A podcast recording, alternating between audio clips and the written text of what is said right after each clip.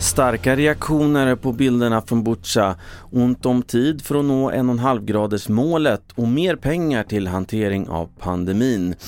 Jag först i TV4-nyheterna om att fördömanden under dagen har strömmat in med anledning av de misstänkta ryska krigsbrotten mot civila i den ukrainska staden Butja.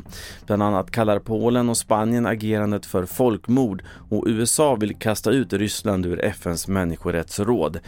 Den svenska frivilligsoldaten Semin Gildis som kom till Butja efter att de ryska styrkorna lämnat staden vittnar om fruktansvärda scener. Du, du kunde liksom inte stå någonstans på gatan utan att se ett dött lik. Civila som är avrättade på ett eller annat sätt. Um, barn, gamla som unga, män som kvinnor. Svårt att förstå hur man kan göra så här mot en annan människa. Man kan ju liksom inte förbereda sig på att se detta. Mer om det här på tv4.se. Idag släpps en ny delrapport från FNs klimatpanel IPCC. Fokuset denna gång ligger på viljan och möjligheten att ställa om.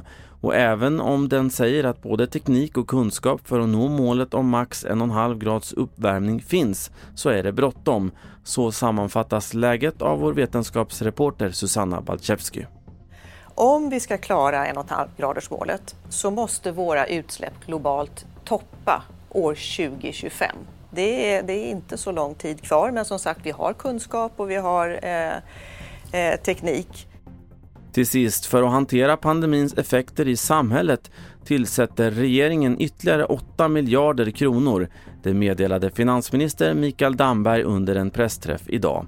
En dryg miljard av de här pengarna ska gå till den fjärde dos covidvaccin som Folkhälsomyndigheten rekommenderar från och med idag. Sedan 1 april 2022 klassificeras covid-19 inte längre som en samhällsfarlig sjukdom. Men läget är fortsatt osäkert. Det osäkra läget understryker behovet av en fortsatt god beredskap.